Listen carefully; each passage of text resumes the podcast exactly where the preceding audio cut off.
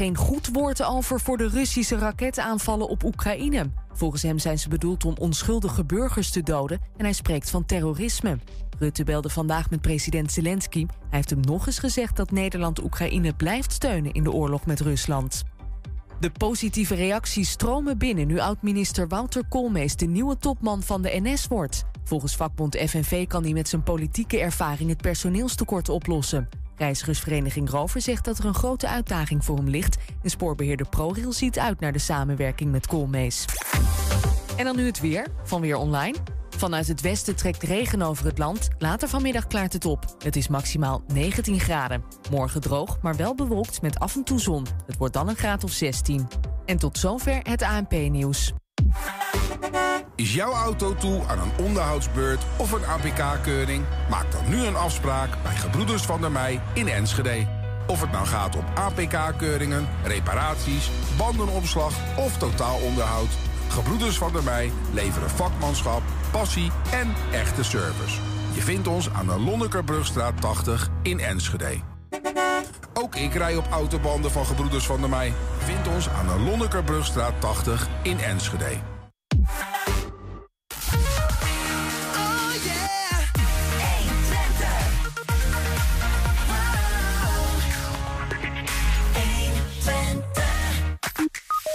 Enschede telt zo'n 200 kunstwerken in parken, buurten en langs de openbare weg. De Other Stories Art Tour die brengt die kunstwerken tot leven door er nieuwe verhalen aan toe te gaan voegen. Ja, de Military in Boekelo was afgelopen weekend waar tienduizenden bezoekers genoten van paardensport, natuur en al het andere wat het evenement zo populair maakt. De iconen van de nationale schaatssport en een hele grote groep kinderen openen afgelopen zaterdag de Sven Kramer Academy in de IJshal Twente.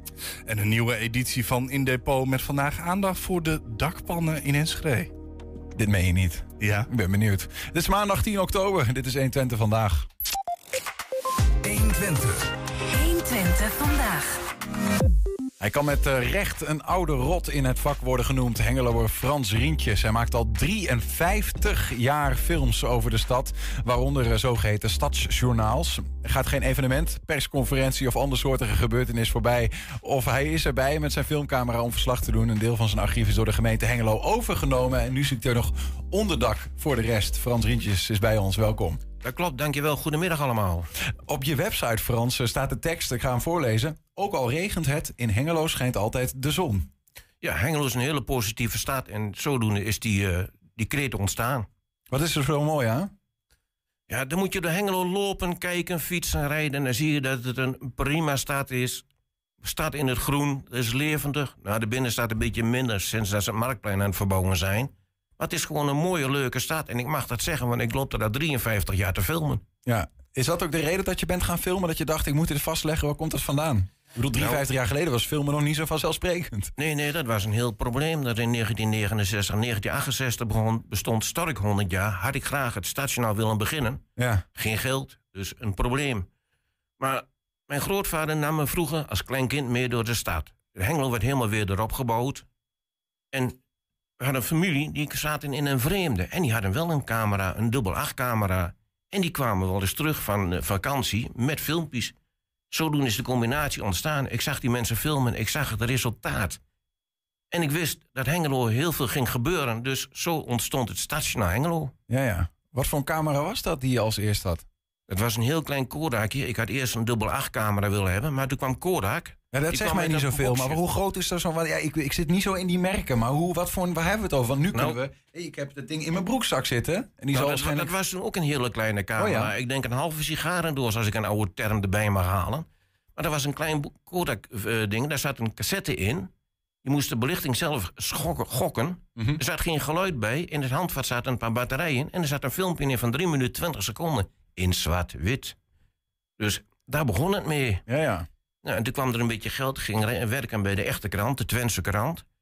En toen kreeg je een beetje geld. En toen kon je een betere camera kopen. Dus met een goede belichtingsmeter, met een betere lens. Ja. Er kwam een filmprojector, er kwam montageapparatuur. Mhm. Er kwamen meer filmpjes, meer filmpjes. Ik heb niet zo'n microfoonstem.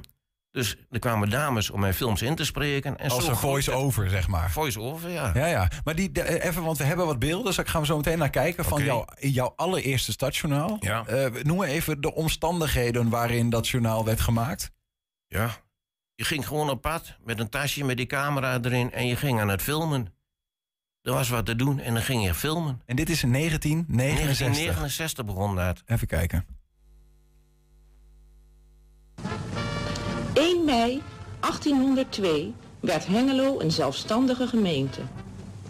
De filmopnamen zijn uit december 1969. De autorit begin 1970.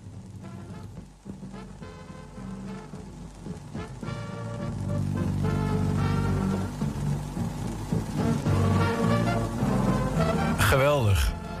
Maar weet je wat het is? Je had toen geen live geluid, dus je zocht de muziek bij van cassettebandje of een oude LP en dat fabriekjes bij elkaar. En dan moest je dan draaien, ook op een filmprojector, maar die liep niet synchroon met een losse cassetterecorder. Ja. En maar zien dat dat spul een beetje synchroon blijft. Ja. Nou, dit was eh, stem 1 die jullie hoorden. Dat was Eveline, een hele goede stem. En doet dat nog steeds bij mij. Oké, die doet dat Ja, nog nog steeds. steeds, ja. En maar de stem steeds zal iets stem. veranderd zijn, toch? Nee, zij heeft een goede vaste stem. Oké, joh. Maar we- toen je hiermee begon, Frans, eh, Mhm. eh, ehm, had je toen gedacht, want kijk, nu, hoeveel heb je er inmiddels gemaakt? 200? Ik ben al bezig met aflevering 238. Gisteravond de tekst geschreven. Dus een van de dames kan binnenkort een telefoontje verwachten. Ja, ja, precies, ja. Maar dan betekent het dat je over 53 jaar echt gewoon tijdsdocumenten... eh, je kunt Ja. gewoon in die, in die journaal zie je de stad veranderen, bewijs van. Ehm, was dat de bedoeling of deed je het gewoon dat je dacht... ja, weet je, ik vind het wel leuk en ik wilde inderdaad... eh, ik wil niet dat Stork dat soort dingen moeten vastgelegd worden... Nou, inderdaad, van dingen vastleggen, zoveel deden de mensen dat nu niet. En op een gegeven moment heeft ook de gemeente heeft de journaals van 1969 tot en met 1990 opgekocht. Laten digitaliseren. Dat is niet zo heel goed gebeurd. Dus dan kunnen de mensen zien via Museum Hengelo. wat is er niet goed aangegaan, hoor? Nou, kwaliteit niet. Ze hadden een beeldje voor beeldje moeten digitaliseren. En dat is niet gebeurd. En het geluid is niet zo mooi achtergezet. Je hoort op een gegeven moment arbeidsvitamine door mijn geluid heen. De ra- het radioprogramma. Van, ra- ja, dat is knap waardeloos. En nu zijn we bezig om ook in Twente kunnen we daar mooi in betrekken. Om de, de, onze films van deze eeuw, dus 23 jaar alweer, Ja. om die onder een breder publiek te brengen. Maar ik snap het even niet. De, je, je beelden tot aan 1990, die zijn door, de, 1969 tot en met 1999. die zijn door de gemeente zelf gearchiveerd. 8, zijn door de gemeente opgekocht. Ja. Hebben ze laten digitaliseren. En die zijn ondergebracht bij Museum Hengelo. En daar staan ze op de website. ja, maar waarom do- doen ze dat dan niet voor al je materiaal? Morgen is er een mootjemarkt in Hengelo. Ja. En van tevoren heb ik al diverse gesprekken gehad met instanties die het graag willen hebben. En dat brengen we morgen ter sprake. Op de mootjemarkt in het stadhuis in Hengelo. Ja. Vanaf 7 uur voor de gemeenteraadsleden. Ja, want we- jouw ehm, motie zou zijn... zorg dat je al dat spul er is, Er is archiveert. heel veel belangstelling voor. Breng het onder een brede publiek. Ja. Doe ons de onkosten terug voor mij en mijn mensen. Want het is wel een vrijwilligersorganisatie. Ja. En dan kan heel Twente, heel Nederland ervan genieten. Ja. Maken we reclame voor onze mooie stad. Mensen, kom naar Hengelo. Wat hebben we wil je wonen en werken. Ja, is, dat, is dat wat je... Is het reclame? Wat, wat hebben we eraan? En, want is het... Nou ja, vertel eens, wat vind jij? Wat Nou. heb je aan zo'n dit soort Er video's? staan allerlei evenementen op. De ene vindt misschien Koningsdag leuk. De andere vindt de kermis leuk. Weer Mhm. andere vindt amusing eh, de koren leuk. Gewoon veel andere mensen vinden weer leuk van... hé, hey, toen hadden ze zulke auto's. Die kijken naar auto's. Er zijn mensen die kijken naar gebouwen. Ja. Hoe het allemaal verandert. Want ook als er eh, gebouwd en verbouwd en gesloopt wordt... dat wordt allemaal meegenomen. Mhm. Dus zo is, is er voor elk wat wils. We hebben, we hebben nog, zo gewoon nog een keer, het is leuk. Eh, Je hebt een unieke verzameling gemaakt. Hè? Dus Mhm. we hebben nog een beeld. eh Engelo zo veranderd. Een stukje Koninginnedag kermis. Ja, laat maar zien. 30 april 1970. Koninginnedag. Kermis aan de Wetstraat. Muziek door de stad.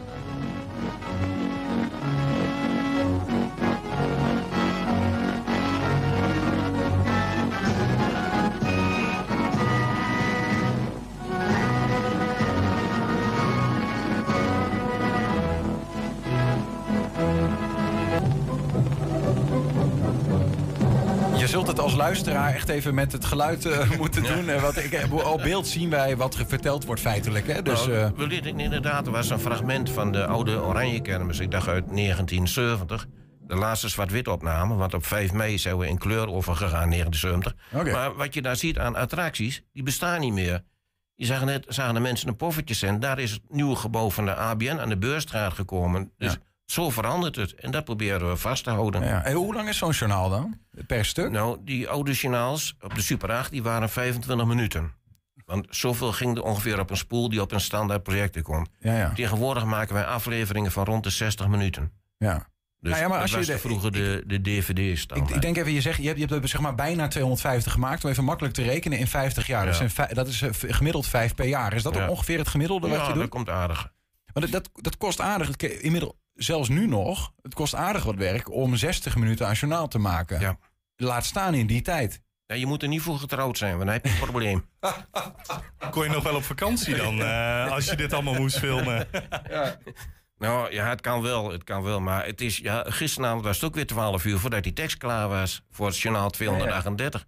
Maar- ja, het kost daarvoor een beetje tijd, maar het is ook handig om, en dat is een tip voor alle mensen die je filmen, probeer in de camera te monteren. Probeer er van tevoren te denken, die scène wil ik vasthouden, niet langer. Want dat scheelt heel veel met de nabewerking. Heb jij ook dingen, eh, Frans, meegemaakt in die jaren dat je ergens bij was? Want je, gaat denk, je wordt op een gegeven moment gewoon. Hè, in die, je bent ook journalist, maar je wordt, je gaat gewoon. Je wordt camerajournalist feitelijk. Dat je dingen hebt vastgelegd die. Nou ja, wat, wat, eh, die dieptepunten voor Hengelo zijn? Of, of absolute nou, hoogtepunten? Je kunt, de- brand van Stork was een dieptepunt. Ja. Dus dat vind, vind ik eigenlijk wel. Maar bijvoorbeeld als er een huis in brand staat, dat doe ik niet. Ik wil geen persoonlijk leed vastleggen. Ook niet als iemand eh, met een ongeluk met een fiets op straat ligt, daar doe ik niet aan mee. Maar als er een bekend gebouw in de fik staat, zoals Stork, dan denk ik, ja, een stukje geschiedenis. Ja. Misschien komt het niet terug, even vastleggen. Dus op die manier. Ja, en hij zei van dieptepunten, ja. Moest luisteren, toen in Enschede is de vuurwerkramp geweest... en ik was voor het huis aan het schilderen. Ik denk, frek, Axel is in de lucht gegaan. Camera pakken en daar naartoe, zonder na te denken. Toen kwam ik erachter... Axel Nobel. Axel Nobel was Ja. ik bang voor. Ik denk, nou, dat gaan we even vastleggen. Toen hoorde ik dat het in Enschede was. Ik denk, nou, Enschede heeft genoeg films, dat hoef ik niet te doen. Ja, ja, precies. Zo zit je dan ook alweer Ja, eh, erin. Ja. ja. Altijd voorzichtig proberen, geen leed vast. Die mensen kunnen dat laten zien, hun familie kan het zien. Doe dat nou niet. Ja, ja. Ehm, dus ook wel, je bent niet altijd overal welkom geweest hè, met je camera. Ja, het is eens af en toe een beetje moeilijk. Ja. Het was zelfs nog bij, het, eh, bij de, de moordegedoe in Hengelo. Ik denk, ik leg dat moordegedoe leg ik vast. Modegedoe. Ja, noem je dat zo ook eh, de, de presentatie van de winterkleding voor de dame. Ik, de- ik heb daar niks mee, maar laat ik toch even gaan filmen. En dan notabene sta je op openbaar terrein. Voor de, op de trappen bij de Lambertuskerk en de Enschedeze straat. En een of andere eencellig figuur die ging me tegenhouden. Die mocht daar niet staan. Ik denk, wat is hem voor een waardeloos figuur? Nou, en dat gebeurde verder nog te laat ook nog. Ik denk, ik ga naar huis, laat ze lekker uitzoeken. En ik neem het niet mee. Maar meestal ben je wel ergens welkom. Daar Ja. valt er van mee. Vertel eens over het WK Dammen. Ja, dat was eh, in de tijd van de Super 8 filmpjes. Dus die, die filmpjes maakten een beetje lawaai. En eh Andrijko, die was geloof ik wereldkampioen. En dan stond ik te filmen en die man die hoorde de geratel van die camera en die keek op. En eh, ja, een gegeven moment heb je van die, die, die, die veiligheid rondlopen en zo. Die zegt, dan gaat u maar naar de uitgang, want eh, u stoort de mensen. Ja, ik vond het van niet. Ja, mijn man is Maar dan maak je geen heibel? Nee, nee, ik maak geen Blief heibel. van mij af. Ik ben journalist. Ja, ik kan moeilijk met damstenen gaan gooien. Je werd niet van het veld geslagen. Ja, eigenlijk Nee, wel uiteindelijk. hè? Uiteindelijk ben je wel had- naar de... ik, ik had voldoende opnamen. Ja, Dus eh, wat dat betreft was ik het best tevreden. ja, ja. Maar ik heb ook wel eens meer, op de fiets meer gedaan met de marathon. Toen hij nog eh, van Enschede naar Hengelo ging. Ja, dan ging je meer fietsen. Totdat je weer het terrein afging. Zocht je hem binnendoor weg. En dan pak je de camera weer. En met, ja, je kunt niks zien, maar je hebt die camera voor je neus. ja. En dan ging je weer verder filmen. Totdat je er weer werd afgegooid. Ja, nou, dat gebeurt zulke dingen. Maar de opname heb ik wel. We hebben nog een eh, opname uit eh, wat recentere tijden. Oké. Ook rond het stadhuis vordert de heraanleg van de Lange Straat en het nieuwe evenementenplein.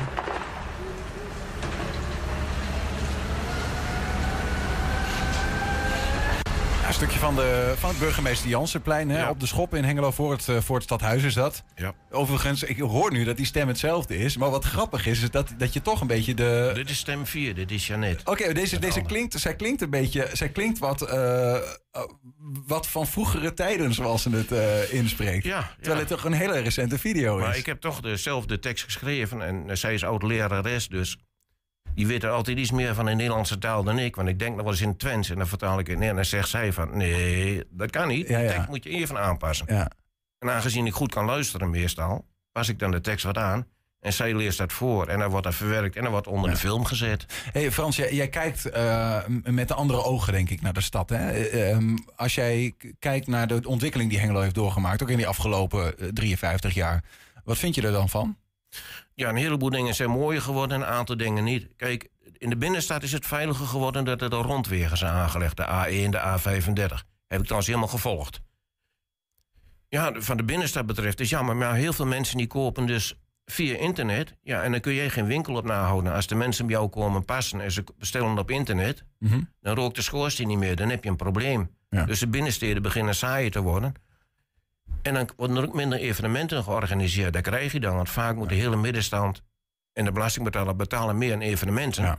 Maar dat wordt allemaal minder. dat is een ingewikkeld, ingewikkeld probleem. Ja, dat is een probleem wat uh, vertaald kan worden van menig binnenstaat. Ja, ja, ja.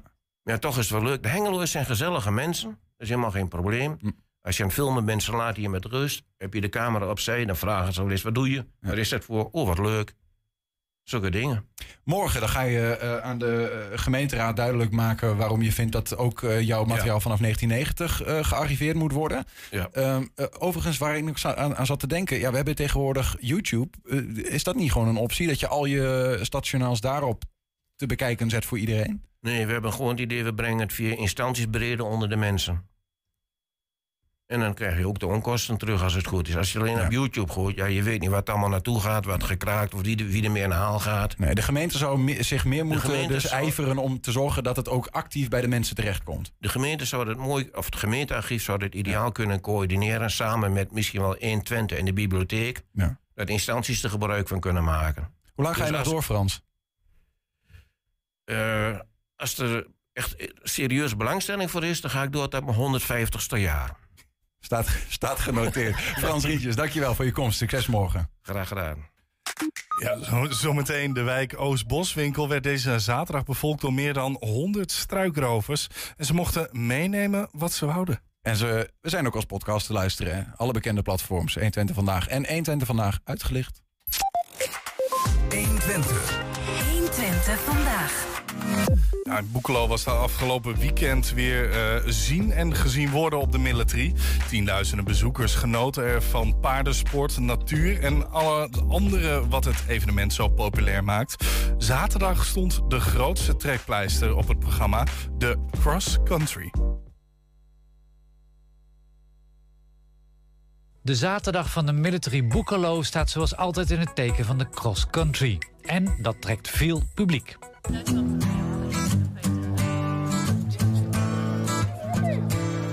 Is het de eerste keer dat jullie op de military zijn of is het een jaarlijke traditie? Um, ik ben hier denk ik al voor de twintigste keer. Jeetje, dus het is toch een traditie? Het is een traditie, ja zeker. Ik hou de dag echt vroegtijdig vrij. En uh, ja, dan uh, neem ik een vriendin mee. Naar welke hindernis gaan jullie? Waterbak. Ja, dat is toch wel de mooiste hindernis volgens mij, hè? Precies. Is het eerste jaar dat u op de military bent? Nee, we komen hier al jaarlijks. Oké, okay, dus het is wel een traditie. Precies. Oké, okay, wat is nou uh, volgens jullie de ideale military look? Qua kleding? Uh, nou, in ieder geval geen blauwe jas. Je zet het aan. De, de waxjas? Ja, ja, ja, dat denk ik. Maar die uh, hangt al heel lang in de kast en die trek ik één keer per jaar eruit. En de hond, is die van u of wordt die ook geleend voor de military? nee, die is echt van ons.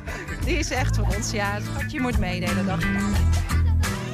Ja, iemand die natuurlijk niet kan ontbreken op de military, dat is Bas. Bas, mooi man, mooi dat je bent. Ja, mooi hè? Ja, ben je doelgericht? Ga je doelgericht naar een hindernis toe zo? Wij gaan echt, kijk, ik heb een kaartje bij me. Je kijkt even, het is echt voorbereid. Wij gaan alle hindernissen. Ja. Echt? Je ga, jij hebt de wandelschoen aan? Ja, tuurlijk man. Ja, dit zijn mijn stallazen. ik heb vanmorgen hier de stallen nog mee uitgemest, dus het is gewoon mijn één glaas.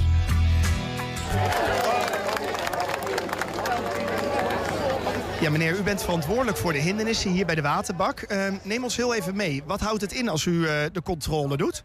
Uh, ik moet dus uh, kijken of, die, of ze tussen de vlaggen door gaan. Oké, okay, dus dat is heel precies werk voor u? Ja, dat is heel precies werk. Dus eigenlijk heeft u ook de beste plek voor deze hindernis om mee te kijken? op zich wel, ja.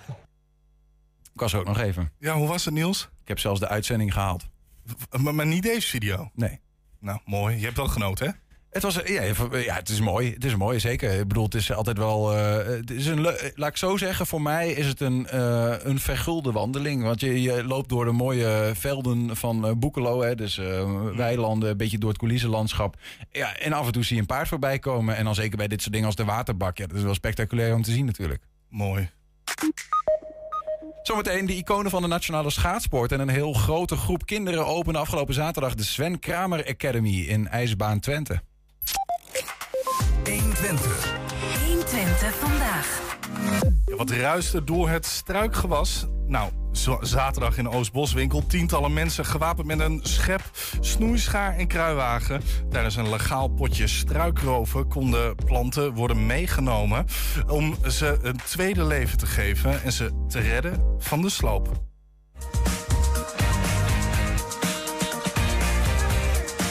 Een uh, struikrover red planten. CQ, uh, we zetten eigenlijk acties op met, met omwonenden in gebieden waar uh, woningen gesloopt worden. roepen we mensen op om planten te komen redden en deze in eigen tuin te zetten.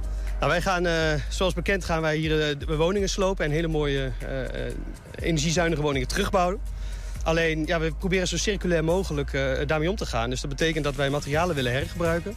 En een van de dingen die daarbij hoort is natuurlijk de tuin en het groen. En ik hoorde toen net een collega heel mooi zeggen... we redden het groen van de sloop. Nou, we hebben een heel eh, projectteam natuurlijk... die niet alleen kijkt naar de, naar de stenen, maar ook naar de, naar de huurders... maar ook naar de omgeving. En die kwamen met dit, eh, dit voorstel om dit dus te proberen... om te kijken of ook de circulariteit tot uh, het groen kunnen doortrekken. Het is ondertussen een landelijk initiatief. Het is ontstaan in Eindhoven.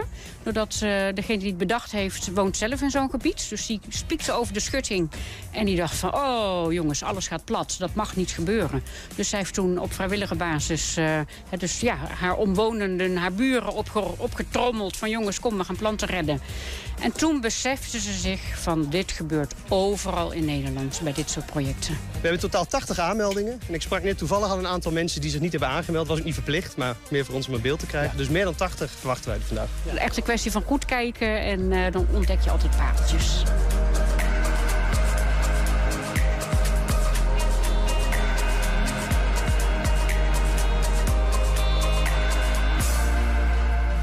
Wat doen jullie hier? Uh, struikrol. Ja, ja, ja. ja, waarom, heb je dat, uh, waarom doe je dat eigenlijk? Nou, om de binnentuin daar in, te verfraaien. En ook de, de tuin bij de keukens en zo. Dat een beetje meer groen, dat het gezelliger wordt. Ja, Azelo heeft geen, geen tuin? Azelo heeft een hele mooie binnentuin. Maar omdat het al jaren niet meer in gebruik was, die tuin, was het helemaal overwoekerd. Ja. Dus we hebben nu samen met de bewoners hebben we die tuin weer een beetje tot leven gebracht ligt oude grond in, hele oude planten. We hebben heel veel eruit gehaald. En nu is het de bedoeling dat er weer heel veel ingestopt wordt. Dus dit is geweldig dat dit uh, kan hier. We hebben inderdaad wat uh, medestruikrovers uh, georganiseerd om te helpen bij advies geven van wat voor plantje is het nou. Nou ja, soms pieken wij ook eventjes op de app, maar dan samen komen we er wel uit. We willen graag een hele aanhangwagen vol en nog een paar vuilniszakken. Nou, ja. zoveel mogelijk. Met, En vooral bloeiende planten. jullie kunnen echt veel gebruiken. We kunnen heel veel De aanhangwagen was een beetje te klein, Henk, jammer genoeg. Ja. Wat, wat voor planten heb je nu al uh, gescoord? Uh, we hebben... Oei, nu heb ik hoe heet het ook alweer? Hortensia's. Oh, hortensia's. En, ja. en een roze, een paar rozen. Oké, okay, en, en, en dan moeten er nog veel meer worden? Oh, dan moeten er veel meer worden, ja, als het kan wel.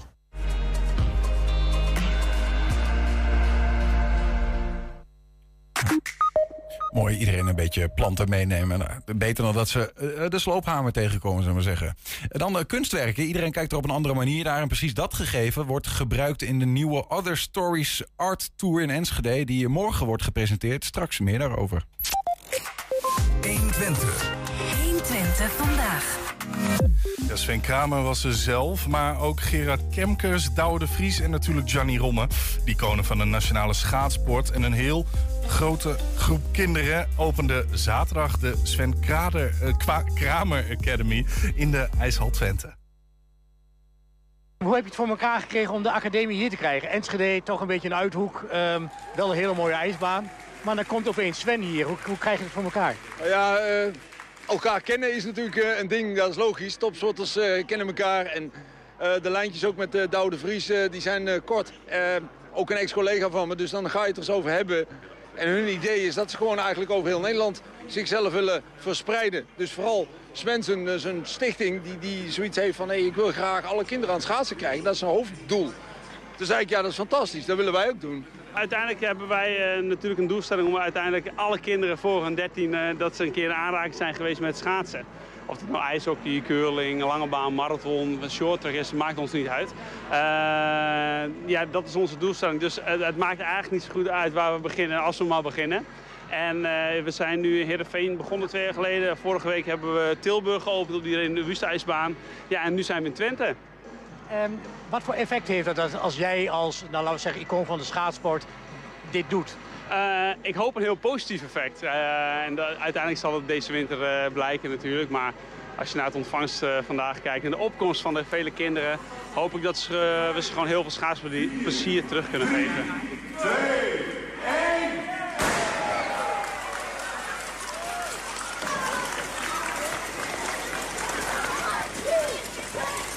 Zijn jullie nog achter Sven Kramer aangereden? Uh, ja, dat ja. wel. Alleen hij ging te snel. Ja.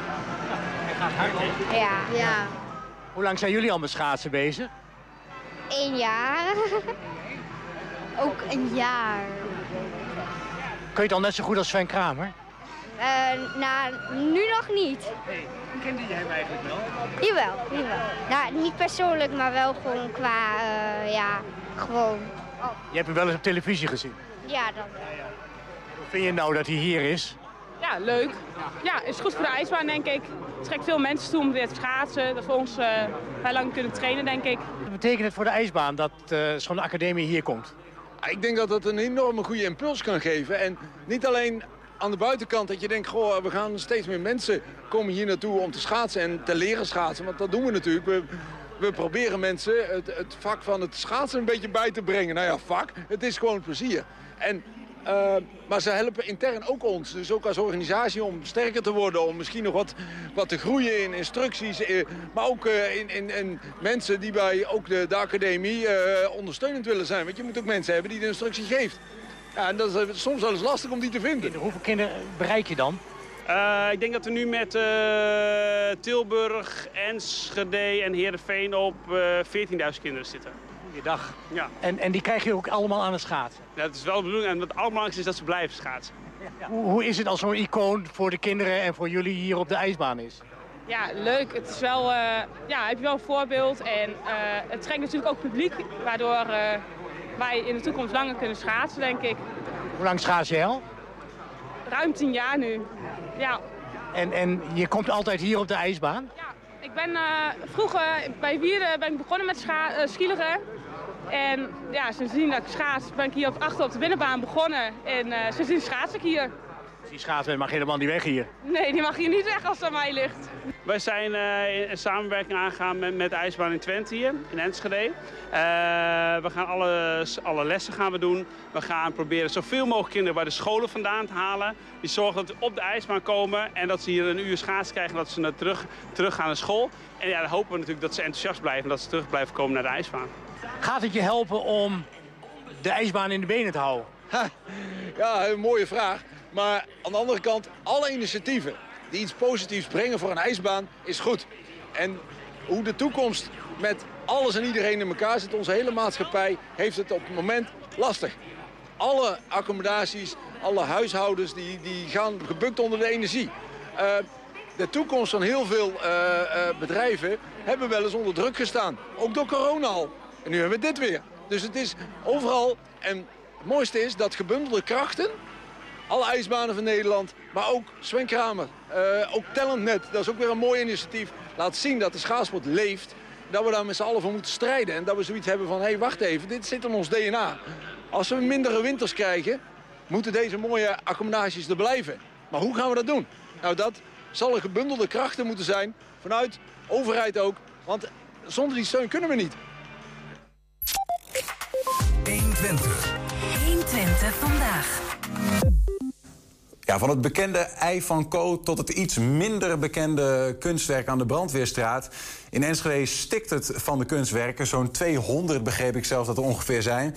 En iedereen die daarnaar kijkt heeft daar zijn eigen gevoel, zijn eigen verhaal misschien wel bij. En precies dat gegeven wordt gebruikt door dichter Regine Hilhorst, kunsthistorica Gemma Boon en ook uh, kunstvideo kunstenaar moet ik zeggen, uh, Victoria Gudnadottir. Zij kan hier niet zijn, maar de andere twee dames zijn hier wel. Jullie hebben een, uh, een project gestart dat is genaamd de Other Stories Art Tour. En daar gaan we over praten. Die wordt morgen gepresenteerd. Welkom. Ja, dank u wel. Dank je. Uh, u zelfs. ja, mooi. Dank je wel. Um, uh, uh, ja, Regine Enschede telt zo'n zo'n 150 tot 200 van die kunstwerken. Hè? Wat gaan jullie daarmee doen? Ja, nou dan ga ik eerst het woord aan, aan, Gemma, aan Gemma geven. Um, Gemma, wat gaan we daarmee doen? Ja, ik zal je iets vertellen over de achtergrond daarvan. Want we hebben inderdaad heel veel kunstwerken. Die kan je altijd bezichtigen. Daar hoef je geen kaartje voor te kopen, zoals bij een museum of wat dan ook. En ze zijn soms een beetje omstreden. Want juist kunstwerken in de openbare ruimte... die krijgen lang niet van iedereen altijd applaus. Want ja, hè, voordat je het weet staat er opeens een heel groot ding in je achtertuin... of bijna je achtertuin, waar je niet om hebt gevraagd. Dus soms zijn het ook wel echt controversiële ontwerpen... waar mensen niet zo heel erg blij mee zijn. Maar goed, je, je ziet ook dat mensen echt een band krijgen met zo'n kunstwerk. Want ze lopen er elke dag omheen, et cetera. Mijn zoon zei net nog over het iPhone Co. Als je niet ooit op die vrouw bent geklommen... Die, op, over, dan, dan, dan, ben je geen echt Enschede's kind. Ja, ja, dus ja, dat zegt ja. wel wat. Dus mensen hebben vaak echt veel meer band met kunstwerken in de openbare ruimte... dan dat ze hebben met een kunstwerk in een museum. Dus dat zat een beetje in mijn achterhoofd. En toen kwam Regine bij me. Dat is een mooie, dan mag jij Ja, nou, toen kwam ik... Uh, ja, ik kende Gemma al. En ik, ik heb vorig jaar in het kader van de regenboogdagen... Hè, die nu, nu zijn, met Victoria Gudnadottir... een IJslandse, die nu in IJsland Mooi, is... prachtige een, naam, hè? Ja. Die is in IJsland nu met een heel groot queer-project... daar met, in het National Museum. Daar zijn ze echt tien stappen weer verder dan hier. Misschien moet je even uitleggen wat een queer-project is. Ja, wat een queer-project is. Ja. Uh, nou, queer, regenboogdagen, LHBT... QXIZ-gemeenschap. Queer, queer wil eigenlijk zeggen mensen die zich niet helemaal direct thuis voelen in... Wat ben, ik, ben ik nou homo, hetero, ben ik man, vrouw, ben ik... Ik ben anders, die, die noemen zich ja, queer. Dat is een beetje het, het modewoord wel nu. Uh, vorig jaar heb ik met Victoria al een, uh, een project gedaan. En... Um, um, wij, vinden het heel erg belang dat, dat, dat, uh, um, belangrijk dat je kunst, dat je eigenlijk de geschiedenis, dat je de kunst in een heel breed perspectief gaat zien. En wat, wat er aan de hand is, is dat de hele geschiedenis in het algemeen... en ook de kunst is vaak beschreven vanuit de christelijke, witte, hetero-man... Uh, uh, cultuur. En heel veel andere perspectieven. De rol van de vrouw in de kunst.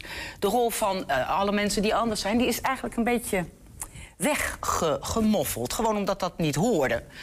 En wat wij is ontstaan in een tijd dat dit soort uh, thematiek eigenlijk nog niet zo op de voorgrond Nee, of totaal, hè, wat nu nog helaas in heel veel landen is, maar verboden was. Ja. Niet.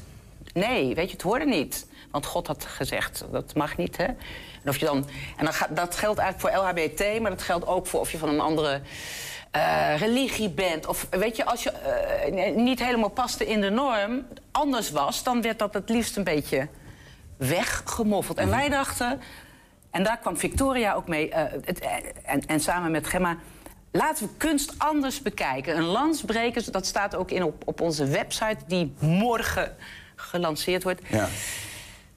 laten we kunst en de wereld en elkaar anders bekijken in een inclusiever perspectief. Dus, uh, uh, Ik snap het. Hè? Maar de bedoeling is ja. dan dat uh, mensen, en dat kan iedereen zijn, geloof ja. ik... maar ja, correct klopt. me if I'm wrong... Nee. die een gevoel hebben of een verhaal bij zo'n kunstwerk... dat verhaal gaan opsturen en dat die dat verhaal eigenlijk... Onderdeel, of niet onderdeel wordt, maar dat die opgezocht kan worden bij zo'n kunstwerk. Dat je Ja. letterlijk bij zo'n kunstwerk staat, een QR-code scant... ja, ja, dat en het klopt. verhaal uh, te horen krijgt, ja, toch? Ja, dus we voegen eigenlijk iets toe aan het bestaande kunstwerk. Ja, ik kan me ook voorstellen dat er kunstenaars zijn, maar ik kijk jullie even aan, Ja. want jullie zitten daar nog bij. Ja. Die zeggen over my dead body. Mijn kunstwerk is vertelt Nou. dit verhaal en eh, dat gaat niet gebeuren, Gemma. Ja, ik weet niet, je bent kunsthistorica. Nee, dat valt heel erg mee. Maar je moet het een beetje zien zoals als een schrijver een boek schrijft. Hè? Dat, dan is het ook heel gebruikelijk dat je dan eh, vervolgens door zo'n verhaal geïnspireerd wordt... en misschien eh, in een film of in iets anders eh, dat verhaal noemt... zonder dat je het kopieert. Dus dat hebben we gedaan. We hebben er eigenlijk een extra laagje toegevoegd. Het doet niets af aan het kunstwerk. We gaan niks daar ter plekke toevoegen. Hè. Het is altijd nog het kunstwerk zoals het is. Maar iedereen staat natuurlijk vrij om zijn eigen verhaal bij een kunstwerk te delen. En wij als de drie initiatiefnemers, wij hebben als het ware de aftrap gedaan. Hè. We hebben negen kunstwerken. daar hebben we eigenlijk een nieuw verhaal of nieuwe kunst bij gemaakt, zeg maar. Voorbeeld? Kunnen we... Voorbeeld, nou, eh, ja, het ei van Koop. Zullen we eens gewoon eens... Dat je, hebt, je hebt daar iets... eh, ja, daar heb ik het ei van Koop. Nou, ja. daar is die. Ja, we dat kennen is- hem, maar goed voor een is gemaakt, eh, gemaakt door Joop Hekman eh, in 1985 of zo, 84. Ehm, eh, het ei van Ko, het is genoemd omdat eh, de burgemeester heette toen Ko Wieringa. En je ziet dat het eivormig is, die, de, spiraal waarin het is. Omdat de, volgens mij de stadsringen of de stadswanden van Enschede... ook een beetje ellips, ei-achtige vormen heeft. Het had geen titel. De mensen gingen het of de familie noemen of het ei van Co. Omdat eh, de, burgemeester wilde het heel graag. Maar het, volk dacht eigenlijk, ja, weer miljoenen naar de kunst. eh, kunnen we het niet anders doen? Ehm, zoiets, hè? Ja, dat is weer kreeg- zo'n goed voorbeeld van een controversieel kunstwerk. Wat dus heel vaak voorkomt. Ik zit zelf ook heel vaak in kunstjuries. eh, waarbij je wordt gevraagd om een kunst in een openbare ruimte. Ik zit ook in een kunstjury in Hengelo weer. Voor een kunst daar achter de kerk. En wat er dan heel vaak gebeurde in het verleden. Is dat de gemeente zei dat kunstwerk wordt geplaatst. Of mensen het nou leuk vinden of niet. Dat is gelukkig veranderd. Inmiddels in Hengelo bijvoorbeeld doen we dat echt. We bereiden het voor als jury. Maar de mensen in Hengelo mogen kiezen straks. En nou, dat was hier dus duidelijk nog niet het geval. Nee, dus je was gewoon hier- bovenaf opgelegd. de burgemeester zei dat kunstwerk komt er. Ja. En eh, ja, men vond dat veel geld in die tijd. De jaren tachtig, hè, crisisjaren, dat, eh, dat viel niet goed. En ging je daar een eigen... eh, Ja, ja, ja. Ik, ik heb dan eigen gedicht. want Ik, ik ging daar anders naar kijken. Weet je, familie. Ik dacht familie, familie. Ik dacht meer. En nu zie je hier water in. Maar op dit moment is er helemaal geen water in dat eh, eh, eh, stukje. Ik Ik heb weer het terug, las ik in de krant vorige gelukkig. week. Ja, goed. ja. Ik, ik heb dit gemaakt. Gebogen vrouw in naakte jurk staat al jaren startblok klaar voor haar kind dat speelt in verdwenen water. Zij weet niet hoe fraai haar ronde bronzen billen blinken in de zon, aaibaar voor iedere passant. Haar randman aan de overkant zit in zichzelf, kijkt weg, laat toe hoe zij door vreemden wordt betast. Zijn handen redden niet. Alleen de hond waakt. Dat is dan een ander perspectief. Snap je dat ik dacht. eh, eh, misschien nu in deze. eh, die vrouw die staat eigenlijk heel kwetsbaar. Ik vind het een prachtig beeld. Heel mooi gevormd. Het is ook aaibaar gemaakt. Hè? Dat wilde de kunstenaar ook. Maar ik dacht wel, ja, wat, wat doe je? Hè? Die vrouw die staat daar. Je, je, hoeft maar een duwtje te geven en ze ligt in die bak. Ja. En iedereen mag haar billen aanraken. En iedereen mag de billen aanraken. Ik denk dat en die dat ook wel eens kijkt- gebeurd is. Dat gebeurt zeker. Ja, nee, en die man kijkt de andere kant op. Maar wat, wat zeg je daarmee? Weet je wat? Dat is puur mijn idee. Dat Ja. je anders kan kijken naar kunst. Dat je dat misschien nooit gedacht hebt. Ik, ik vind er, ik, ja, ik, er zijn allerlei dingen die ik overdenk. Ik vind het een mooi idee. Omdat ik ook denk dat, dat veel mensen natuurlijk vaak niet zo goed weten wat ze met een kunstwerk moeten. En dit soort verhalen een persoonlijke interpretatie of zo het wel wat dichterbij brengt. Maar eh, ehm, wat hopen jullie met, met zo'n project dan te bereiken? Dat mensen dus op andere eigen manieren een verhaal gaan creëren bij zo'n kunstwerk? Of dat wij jouw verhaal bijvoorbeeld horen, Regine? Dat wij, dat wij die Mijn, interpretatie mijn creëren? verhaal is maar een voorbeeld waarvan ik dan denk dat mensen daar iets. Hè, oh, dat ze denken: oh, oh, zo heb ik het nog nooit bekeken. Eh, en dat doen de kunstwerken die wij gemaakt hebben, die Victoria ook. Dat je denkt: hé, hey, zo heb ik het nog nooit gezien. Wat ik hoop is, en, en daar is dit project gewoon een goed voorbeeld van, is dat we breder gaan kijken. Dat we gaan kijken dat, eh, ehm, ehm, eh, dat je kunst, een boek, een film, een ander, je kunt die op een bepaalde manier interpreteren, maar het kan ook anders. Ja. En als we die openheid houden, denk ik dat we leuker worden met elkaar. En daar kan ik nog wel iets aan toevoegen. Die Graag. kunstwerken in de openbare ruimte zijn natuurlijk ook heel vaak de vergeten werken. Hè? Je accepteert ze, want ze zijn deel van Nou ja, het interieur. Ik denk dat veel mensen het ei van koningin als een kunstwerk zien. Ja, nou dat is er gewoon. Ja, en dat is bij heel veel van die kunstwerken. Eigenlijk loop je er gewoon voor, voorbij. Net zoals aan die verhalen van die diverse gemeenschap. Dus daar zit wel iets van een raakpunt in. Bij alle twee zijn het eigenlijk verhalen die je nou ja, zomaar vergeet. Als je er niet aandacht aan Ik ben benieuwd naar nog een voorbeeld. Want jullie hebben allemaal, eh, je hebt met z'n allen negen voorbeelden gemaakt met z'n Ja. drieën. Ja. Eh, Gemma, waar heb jij iets bij gemaakt? Ja, wat ik eh, doe is meer het kijken of ik dat persoonlijke verhaal met toch iets meer het kunsthistorische perspectief. Ik blijf natuurlijk kunsthistorica. ehm, het kan combineren. En ik heb er eentje geschreven bij Hans Morstelt. Een kunstwerk wat bij mij in de straat. Ik woon in de modestraat. En wat ik heel grappig vond aan dit werk is dat je het eigenlijk ook nooit ziet. Het is echt een, een werk wat gewoon in de muur zit. Ik dacht, het zijn een soort drollen. Weet je, zo, daar, die, die associatie kreeg ik helemaal. Oh, het is weer weg. Nee, ja, dat, eh, Nou ja. ik, laat hem lekker Ja, laat lekker liggen. Oh, al Ehm. Wat gek is aan dit kunstwerk is dus dat het echt een deel is van, van een heel oud lelijk gebouw... dat elk moment gesloopt kan Weet worden, net het naast is? het bulken. Naast het bulken? Ja, dus iedereen loopt daar gewoon langs en je ziet het niet. Ik zag het eerst ook nooit. Maar is dit een gat in de... eh, ik snap- Waar kijk ik nou precies Je naar? kijkt naar die rare, vreemde, ronde vormen. Zie je dat aan de linkerkant? Dat is een sculptuur in de muur. Ja, ja, ja. en dat ja. loopt gek genoeg binnen door. Dus in de gang van dat Oh, complex dat wist kan je ook niet. nog een stukje zien. Nou, je Ja. moet er maar eens, eh, Ja. maar eens heen. En binnenkort wordt het gebouw gesloopt. Ja. Maar het kunstwerk komt gelukkig terug Oh, in het nieuwe gebouw. Oké, oké. Dus daar ging mijn interesse eerst heen. Ik heb eerst even nagevraagd van... jongens, wat gaan jullie eigenlijk met dat kunstwerk doen? Nou, dat blijft eh, gelukkig behouden. Ehm, maar dat dat werk zo vergeten is, daar, daar heb ik dus iets, eh, iets over geschreven. En het stukje wat ik heb geschreven heet... Hoe een kunstwerk zonder titel toch een titel kreeg. Nou, mensen weten graag waar ze aan toe zijn. Ze geven alles om zich heen een naam om misverstanden te voorkomen. Ze noemt de mens graag een stoel een stoel en een vork een vork. Wanneer het dan toch voorkomt dat een ding of een mens niet zo makkelijk in te delen is in een hokje, krijgt de mens het benauwd. Neem het verhaal van dit kunstwerk aan de Molenstraat in Enschede. De kunstenaar Hans Morselt werd in 1966 gevraagd om een kunstwerk te maken voor een nieuw gebouw dat op de plaats moest komen van het afgebrande Hotel Zwijnenberg aan de Molenstraat. Dat zat er dus nog voor dit pand. Morselt ging meteen aan de slag. Dit is het geworden. Het is donkergrijs en het heeft allerlei ronde vormen, lang en kort in elkaar overlopend, boven en onder elkaar. En het is een abstract kunstwerk. Dat betekent dat de kunstenaar niet heeft geprobeerd om iets na te maken. Het kunstwerk is gewoon zichzelf, zonder naam. Morselt heeft het kunstwerk daarom ook geen titel gegeven. Zo laat hij zien dat het kunstwerk niet op iets probeert te lijken. Maar de mensen geven liever een naam aan de dingen om zich heen. De een zag gelijkenis met een plant uit zijn tuin, de ander met koffiedik dat in haar kopje achterblijft na het drinken. In plaats van zich boos te maken, besloot Morselt iedereen uit te nodigen om een naam voor het kunstwerk te verzinnen en in het gastenboek te schrijven. Het kunstwerk werd genoemd naar de mooiste inzending. En zo kan het dat een kunstwerk dat geen titel heeft, toch een titel heeft gekregen. Bloemenpracht. Moet alles en iedereen een naam krijgen? Sam, 10 van 10, vindt van niet.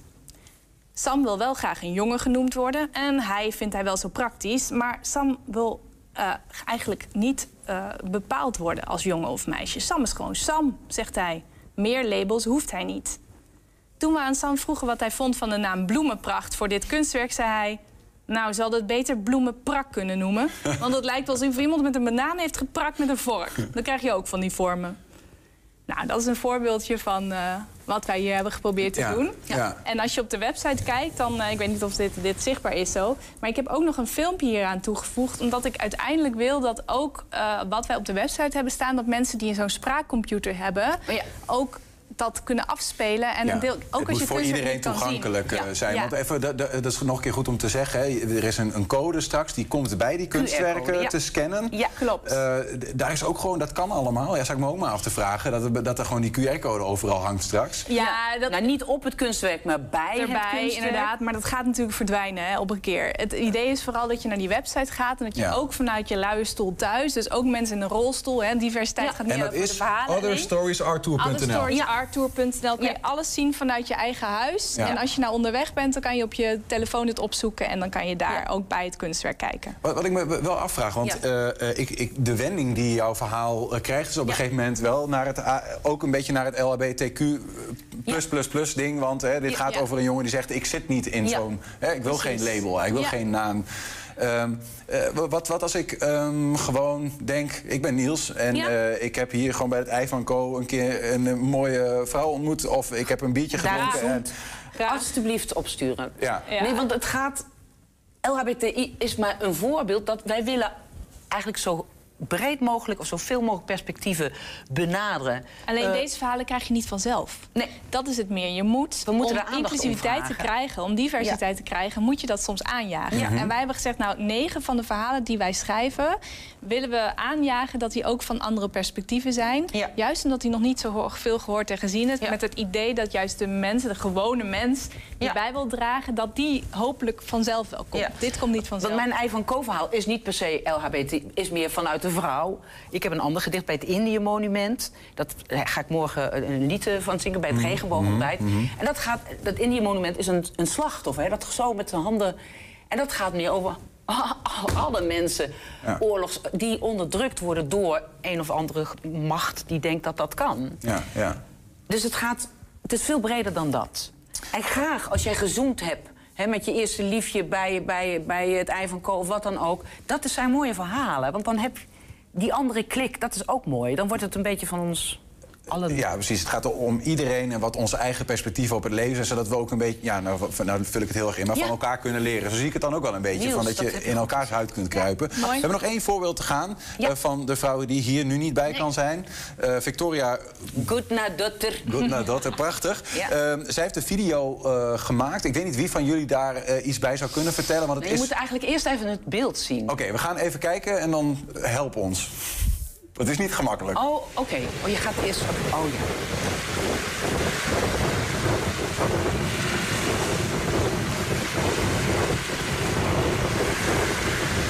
Goed om hier toch, maar voor de luisteraar ook, want die hoort nu natuurlijk Ja. alleen maar eh, iets. Ja, wat je dus ziet is een kunstwerk waarbij je niet iemands gezicht of handen ziet. Hè? Het originele kunstwerk. Ja. Dus diegene ja, die zit verscholen. Daarom heet het werk ook Hiding, wat Victoria heeft gemaakt. Ja, je hebt hem daarbij, hè? Ik weet Ik niet heb of hem die, daarbij, ja, dat is inderdaad. Ja, ik weet niet nu, of maar of dat te kunnen we zien misschien is, beide maar, laten zien. eh, Dan zien we dat op de achtergrond. Dat weet ik niet zeker, maar... Ja, ja, inderdaad. En wat, wat grappig is natuurlijk, is ehm, dat veel mensen in die, eh, die zichzelf queer noemen, ook vaak het gevoel hebben dat ze heel lang verborgen zijn gebleven. Hè? En, en dat ze, je noemt dan vaak uit de kast komen of wat dan ook. Eh, maar met dat idee speelt Victoria zich dat iemand zich dus een klein beetje laat zien eh, hier in dit kunstwerk. Ja. Ja. Ja. En eigenlijk moet je even het beeld... Het staat dus bij, bij belasting, oude belasting... Of nee, nog steeds het Ja, belasting. het is van Achmea, grappig genoeg. Het is, Aan de eh, brandweerstraat. Ja, Je zou even moeten gaan kijken. Ja, Ja. precies. En het ziet er een beetje uit als zo'n Harry Potter eh, eh, eh, met een kap op. Hoe noem Een dat? dementor, ja. Dementor. Ja. ja. mooi. En dat goed. is wat zij... Dit betekent, ze- we hebben niet alleen geschreven verhalen, maar ook videokunst die, die erbij zit. Ja. Is ook door de, als je denkt, ik maak een, een filmpje, stuur ik Ja, op. absoluut, kan allemaal. Ja, ja tekening, eh, gesproken woord, wat, wat je wilt. En eh, je kunt alles vinden op Other Arts Tours, eh, otherstoriesarttours.nl. Daar kan je ook een formulier vinden waar je heel makkelijk dat kunt doen. Mooi, mooi project. Ik Ja, ben hè? benieuwd naar wat mensen allemaal gaan eh, vertellen. Ja, ik en eh, wat, hoe mensen naar die kunstwerken kijken. En Ja. dan komen, krijgen ze toch een heel andere manier komen ze echt weer tot leven. Eh Gemma Boon en Regine Hilhorst, dank jullie wel hier. En naar Victoria Goodnadotter dan Ja, op afstand. goed. Dank jullie wel. Oké. Veel nou, plezier dank je wel dat we hier mochten zijn. Graag gedaan. Heb je een tip voor de redactie? Mail dat dan naar info.120.nl. 120. 1. 120 vandaag. Ja, de Hengeloze beeldende kunstenaar Frank Haafkes, Onno Dirks en Ria Geerdink hebben de langste lito van Nederland gemaakt. Het kunstwerk is maar liefst 5,20 meter lang en je hebt er dus een flinke muur voor nodig. De lange lito is het resultaat van een samenwerkingsproject van twee jaar tussen de beeldend kunstenaars. Zaterdag was de opening van die expositie.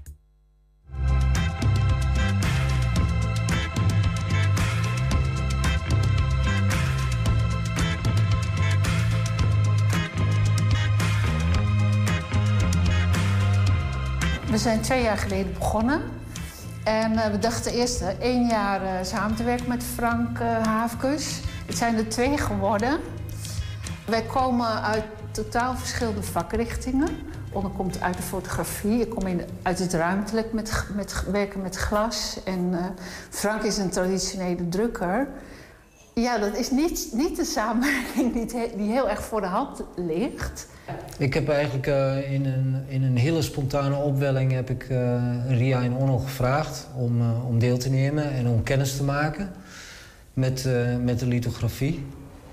En zij vonden het heel spannend, heel erg enthousiast. Ik kan me herinneren dat, eh, ehm, eh, dat Ria na, na één avond eh, iets van vier of vijf stenen had klaarstaan binnen vijf minuten. Dat ik dacht van oké, waar ben ik dan begonnen? En, eh, maar dat is eigenlijk ja, heel, heel leuk en eh, spontaan is het verlopen. En na twee jaar zie je natuurlijk ook alles wat eruit voorkomt. En dat, dat is wel een heel mooi resultaat, vind ik.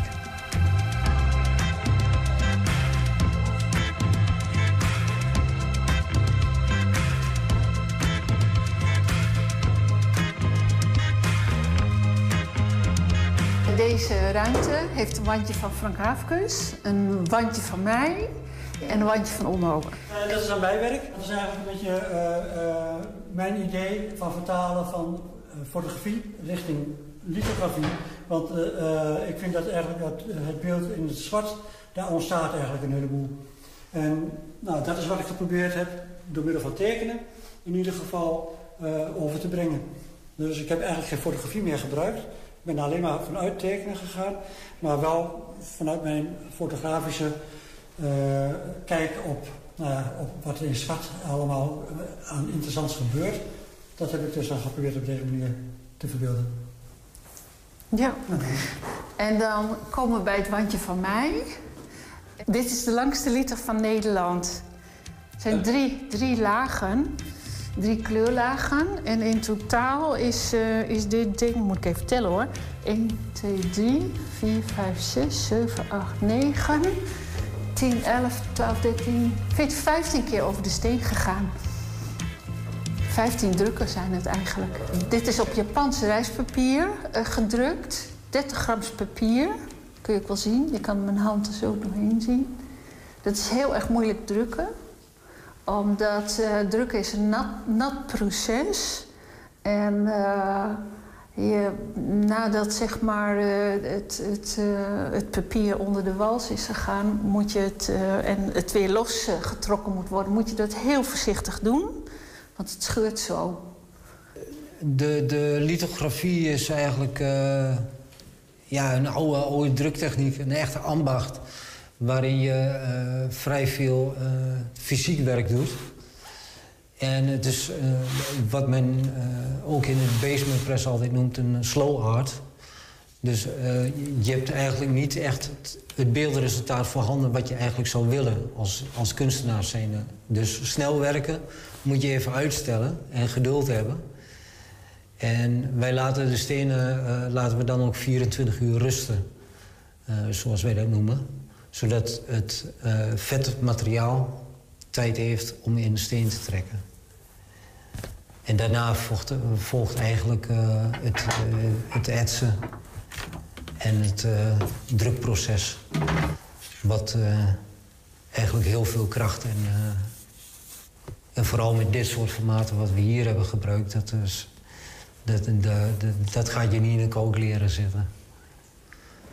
Uh, de mensen die hier vandaag geweest zijn, die mochten uh, uh, de steen betasten... wat een, wat een vettige afdruk achterlaat eigenlijk op de steen.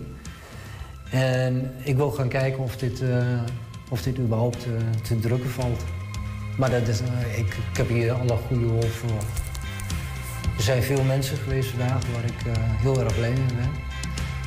En we gaan zien wat het wordt. Ik ben een drukker en ik druk graag voor anderen. Um, ja, dit smaakt absoluut naar meer. Dus uh, wat mij betreft uh, zien we elkaar over twee jaar weer uh, bij het volgende project.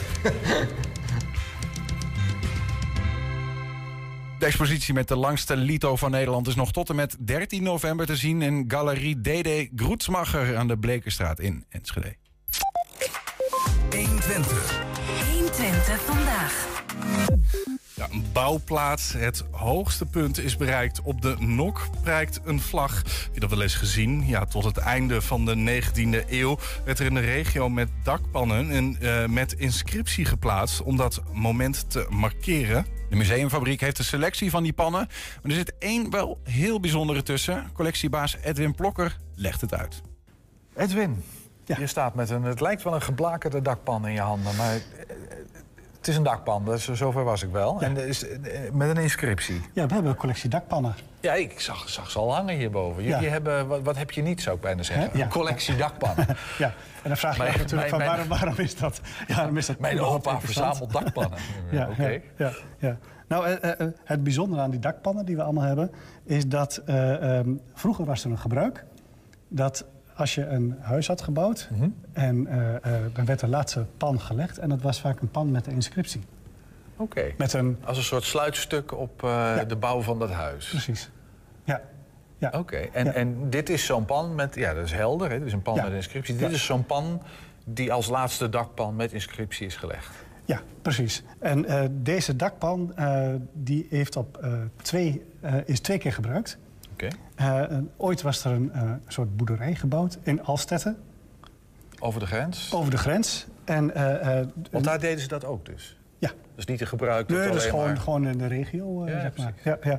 En, en eh, de inscriptie op deze eh, dakpan is Bernardus Lindenbaum in Gronau 1825. En dat is de pannenbakker. Oké. Ja, Dus, de pannenbakker- Lindenbaum, pannenbakker Lindenbaum Ja.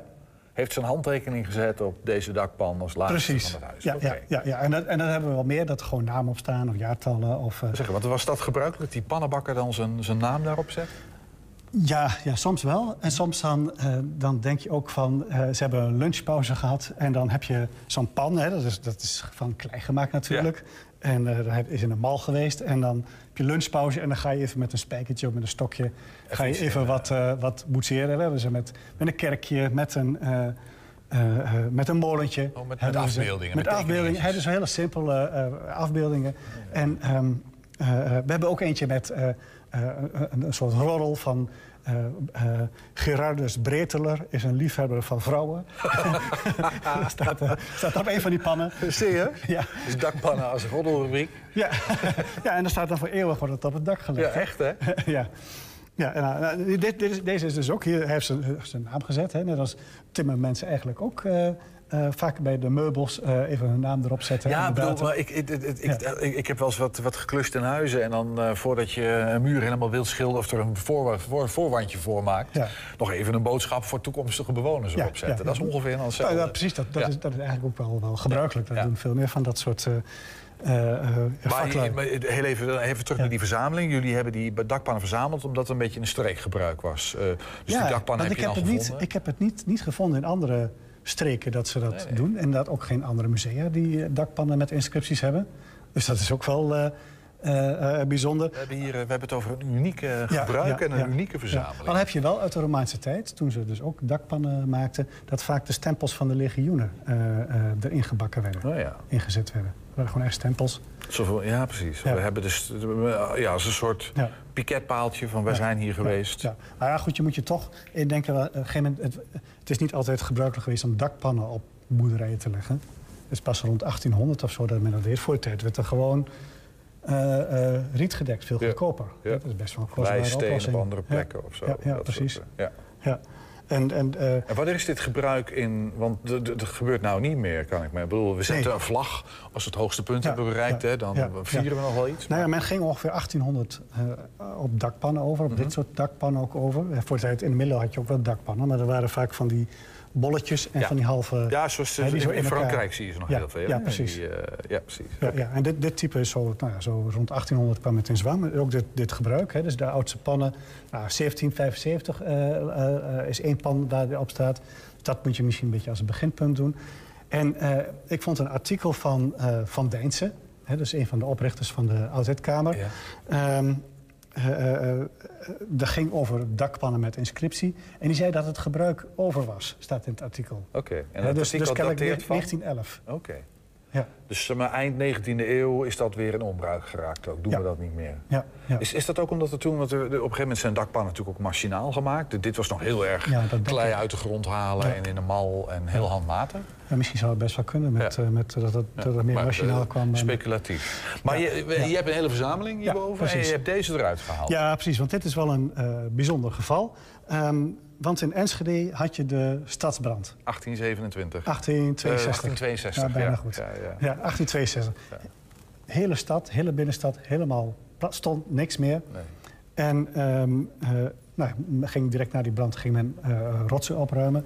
En was er een meneer Platvoet. Leuke naam. Die ging naar Alstetten. En die heeft het eh, karkas van het huis helemaal opgekocht. dus de, nou ja, de, het stellage, dakpannen, eh, muren. Is op 25 karren heeft hij dat naar Enschede eh, gebracht. Ja? En iets van 21 dagen na de stadsbrand eh, stond het karkas dat het alweer bewoonbaar was. Het was het allereerste huis dat na de stadsbrand weer opgebouwd was. Eh, eh, eh, nou, daar is dit een dakpan van. Oké, dus dat is grappig. Dus deze dakpan is eh, van het eerste huis dat opnieuw is opgebouwd na de, na de Enschedese stadsbrand. Ja, ja, dus het stond er één huis in alle ruïnes. En dat was die van Platvoet? Dat was zo'n meneer en mevrouw Platvoet.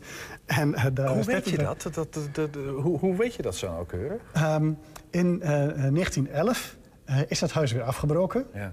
En toen heeft mevrouw Platvoet heeft, eh, eh, deze eh, dakpan geschonken aan de Oudheidkamer Twente. Dus zij is eigendom van de Oudheidkamer Twente. De, de mevrouw Platvoet die in dat eerste... Weet ik niet, misschien een dochter, dat, Oh ja. dat weet ik niet. Maar eh, mevrouw Platvoet, konden we zien, heeft dit Die geschonken in 1911 aan de Oudheidkamer Twente.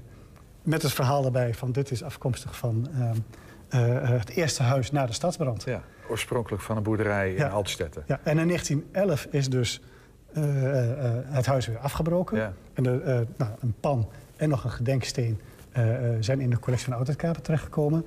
Eh, maar het karkas van dat huis, dat is helemaal doorverkocht naar een boer in Twekkelo. En die heeft dat daar weer opgebouwd. Oké. Dus, maar ik weet niet welk, ehm, welk huis dat is. Dus misschien is dat ook nog wat te achterhalen. Ja, dat zou natuurlijk heel interessant zijn, maar Ja. dat weten we niet zeker. Nee, nee. Meneer eh, eh, eh, boer, boer Klumpert stond er of zoiets. Die had het karkas gekocht weer van, van mevrouw Platvoet. dat zouden we... En die eh, heeft dat in Twekkelo weer opgebouwd. Dus het zou maar zo kunnen zijn dat dat er nog staat. Ja.